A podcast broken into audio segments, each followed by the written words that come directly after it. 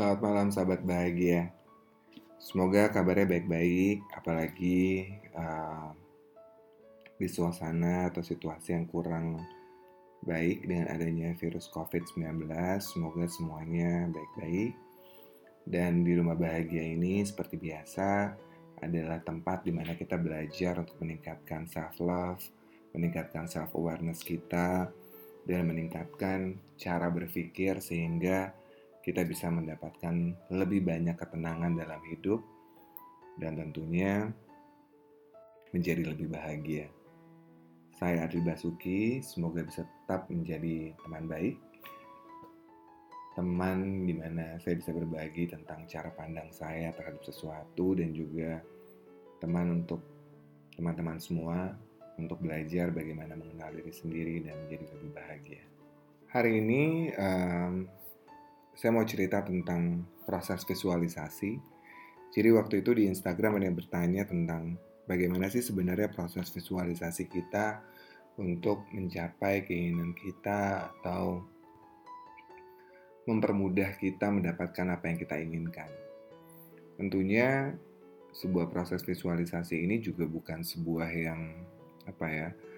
Proses visualisasi ini bukan sesuatu yang gaib atau um, magic, tapi ini adalah benar-benar bagaimana kita memberikan fokus yang luar biasa terhadap apa yang kita inginkan. Saya belajar tentang visualisasi itu ketika umur saya 15 tahun. Waktu itu ayah saya mengajarkan saya. Jadi proses visualisasi itu saya pernah cerita mungkin sebelumnya bahwa awalnya saya belajar proses visualisasi itu ketika waktu itu ibu saya sakit. Jadi yang kita lakukan waktu itu antara saya, adik saya, dan ayah saya adalah bagaimana menggambarkan atau memfokuskan pikiran kita ketika ibu saya tidak dalam keadaan sakit, tetapi ketika kita berlibur sama-sama. Nah, waktu ibu saya sakit itu, yang dilakukan adalah benar-benar kita memegang tangannya, kemudian kita membayangkan ibu saya, saya, adik saya, dan ayah saya berada di sebuah tempat di mana dia beraktivitas ketika ia sehat. Kita memejamkan mata, kemudian kita menggambarkan hal itu. Dan waktu itu alhamdulillah memang ketika kita melakukan proses visualisasi itu dan uh, waktu itu ibu saya sakit, itu uh, terasa sekali bahwa ketika kami melakukan itu akhirnya sakit ibu saya berkurang. Jadi dia bisa lebih tenang. Ya mungkin juga itu juga karena ada keberadaan kita sebagai keluarga di dekatnya. Tapi saya yakin bahwa semua hal yang selalu saya fokuskan dan selalu saya ingat itu yang akan membantu sebuah proses visualisasi itu bisa menjadi sebuah kenyataan. Jadi proses visualisasi ini sebenarnya tidak hanya untuk ketika ada orang sakit atau uh, menyembuhkan gitu ya. Tapi kita juga bisa membayangkan misalnya tentang karir, percintaan, kesehatan, dan uang. Dan tentunya semua ini tuh bukan ketika kita memvisualisasikan yang terpenting adalah tidak perlu ngoyo, tapi benar-benar yakin dan tenang bahwa hal itu memang bisa terjadi.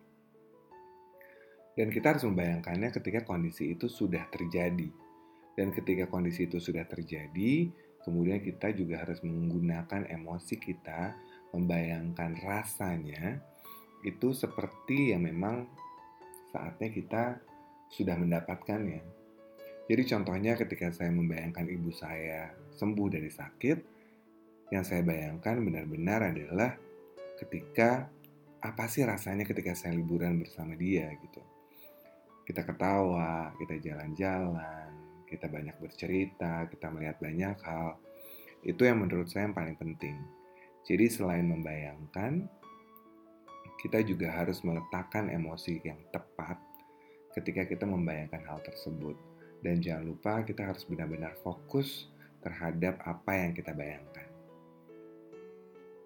Dengan emosi yang baik, itu akan membuat sebuah proses visualisasi menjadi jauh lebih mudah. Hal ini sebenarnya tidak hanya di kejadian itu. Kalau saya boleh cerita perjalanan saya, uh, saya berkarir itu dimulai dari lulus kuliah kemudian bekerja di sebuah perusahaan majalah Indonesia waktu itu kemudian saya berkarir di advertising kemudian pindah ke corporate nah dalam perjalanannya itu saya waktu itu waktu lulus kuliah saya memvisualisasikan bahwa betapa menyenangkan bekerja di dunia advertising gitu orang-orang yang seru anak-anaknya muda kemudian uh, day party hard juga. Jadi waktu itu saya membayangkan kalau saya menjadi bagian dari anak-anak advertising saat itu. Dan proses visualisasi itu waktu itu um, saya membayangkannya misalnya lagi nyetir atau sebelum tidur. Itu saya membayangkan benar-benar saya nikmati imajinasi itu. Tapi saya juga memasukkan bahwa ada rasa yang memang ingin saya dapatkan dan saya tahu rasanya senang ketika saya menjadi bagian dari mereka. Nah, itu saya lakukan. Dan waktu itu kurang lebih saya menunggu kurang lebih. Dan ini tuh nggak, nggak selalu cepat ya. Tapi dengan yakin dan sabar, pasti akan sampai. Jadi waktu itu saya melakukan itu kurang lebih setahun.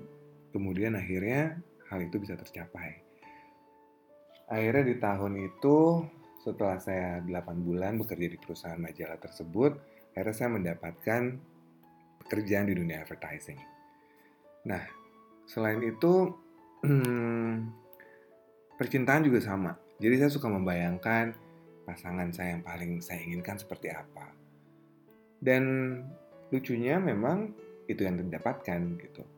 Jadi berusahalah untuk memvisualisasikannya itu sedetail mungkin jadi kalau misalnya kalian dalam percintaan misalnya, kalian harus membayangkan orangnya seperti apa. Mungkin uh, kalian punya preference terhadap suku atau ras, kemudian tingginya berapa, kemudian cara bicaranya seperti apa, kemudian mungkin bintangnya, kemudian kalian bayangkan juga ketika bertemunya di mana. Dan itu dibayangkan dengan seperti kayak kita nonton film yang kita buat sendiri. Nah setelah itu uh, kalau misalnya tentang misalnya kita mau bicara tentang pekerjaan itu juga sama. Jadi bayangkanlah misalnya kantornya ada di mana, kemudian gedung apa, lantai berapa, kemudian uh, sekarang kan era sosial media ya, jadi kita bisa membayangkan situasi kantor untuk orang-orang yang kerja di sana seperti apa. Jadi itu benar-benar dibayangkan, kemudian bayangkanlah kita menjadi bagian dari kantor tersebut. Dan kita ketika membayangkan pastikan bahwa rasanya itu menyenangkan, rasanya excited, rasanya uh, ingin segera merasakan itu. Jadi kebayangkan kayak misalnya kita mendapatkan itu pasti rasanya senang. Nah bangunlah emosi yang ada di situ. Nah kemudian uh, jadi untuk semua hal yang ada mengenai visualisasi itu menurut saya yang paling penting adalah benar-benar membayangkan secara detail, menggunakan emosi yang ada ketika kita sudah mendapatkannya. Jadi yang bisa dipastikan adalah ketika sudah mendapatkannya. Jadi bukan ketika ingin. Jadi di proses visualisasi yang penting adalah kita membayangkan seolah-olah itu sudah terjadi. Dan pastikan emosi yang ada adalah emosi yang positif. Jadi seperti bahagia, senang, excited, gembira, semua rasa-rasa yang menyenangkan ketika kita membayangkan atau memvisualisasikan hal tersebut.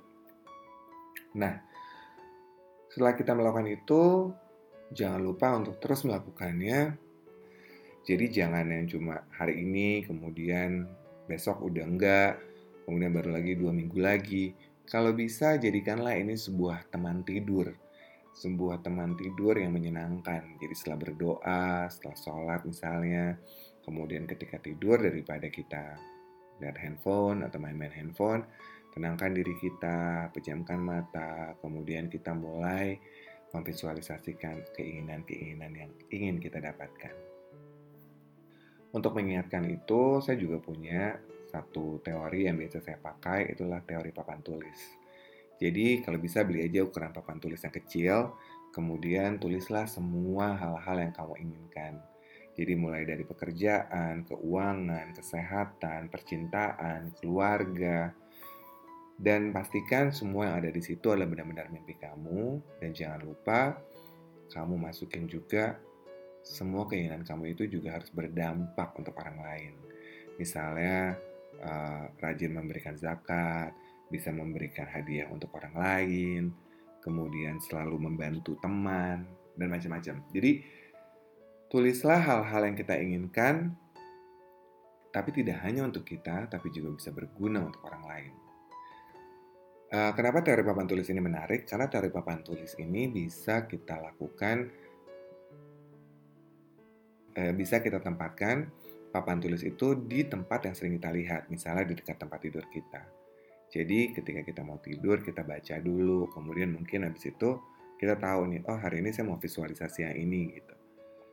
Kalau bisa mungkin visualisasinya jangan terlalu apa ya jangan terlalu ganti-ganti. Jadi pikirin aja misalnya dalam satu bulan pilih dua visualisasi dari mimpi yang ingin kamu capai. Kan tentunya dalam hidup selalu ada prioritas hidup. Kemudian uh, lakukan itu secara teratur dan dengan papan tulis itu akan mengingatkan kita tentang pentingnya kita selalu fokus dengan tujuan hidup kita. Sehingga kita tidak terlalu banyak mikirin orang lain, kita tidak terlalu banyak membandingkan diri kita dengan orang lain, dan saya yakin kalau misalnya kita terus melakukan itu, pikiran kita akan lebih fokus, kemudian kita akan tetap pada tujuan kita mau ke mana. Dan ketika hal itu nanti terjadi, itu adalah sebuah pengalaman yang menyenangkan. Jadi ini adalah sebuah rahasia semesta yang terkadang kita tidak menyadarinya. Dan jangan lupa setelah kita visualisasi, setelah kita membayangkan, setelah kita mendapatkan emosinya, kita letakkanlah semua bayangan itu atau imajinasi kita itu ke kepala belakang kita. Kita letakkan di tempat alam bawah sadar kita.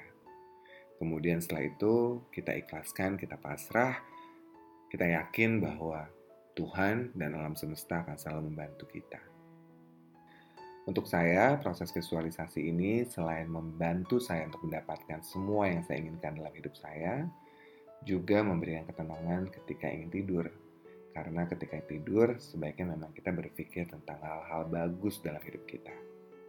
Yang akhirnya akan memberikan tidur yang berkualitas, ketenangan dalam tidur, sehingga besok paginya kita bisa fokus dan bisa terus mencapai tujuan hidup kita. Sahabat bahagia, kurang lebih itu mengenai visualisasi. Uh, please comment, uh, follow Instagram Rumah Bahagia, bisa bertanya juga di sana. Dan saya akan terus mencoba memberikan hal-hal yang saya pelajari dari ayah saya dan juga dari beberapa orang yang memang ahli di bidangnya tentang bagaimana kita meningkatkan self-love, self-awareness, dan juga merubah cara pikir sehingga kita bisa lebih tenang, nyaman, dan bahagia menjalankan hidup kita.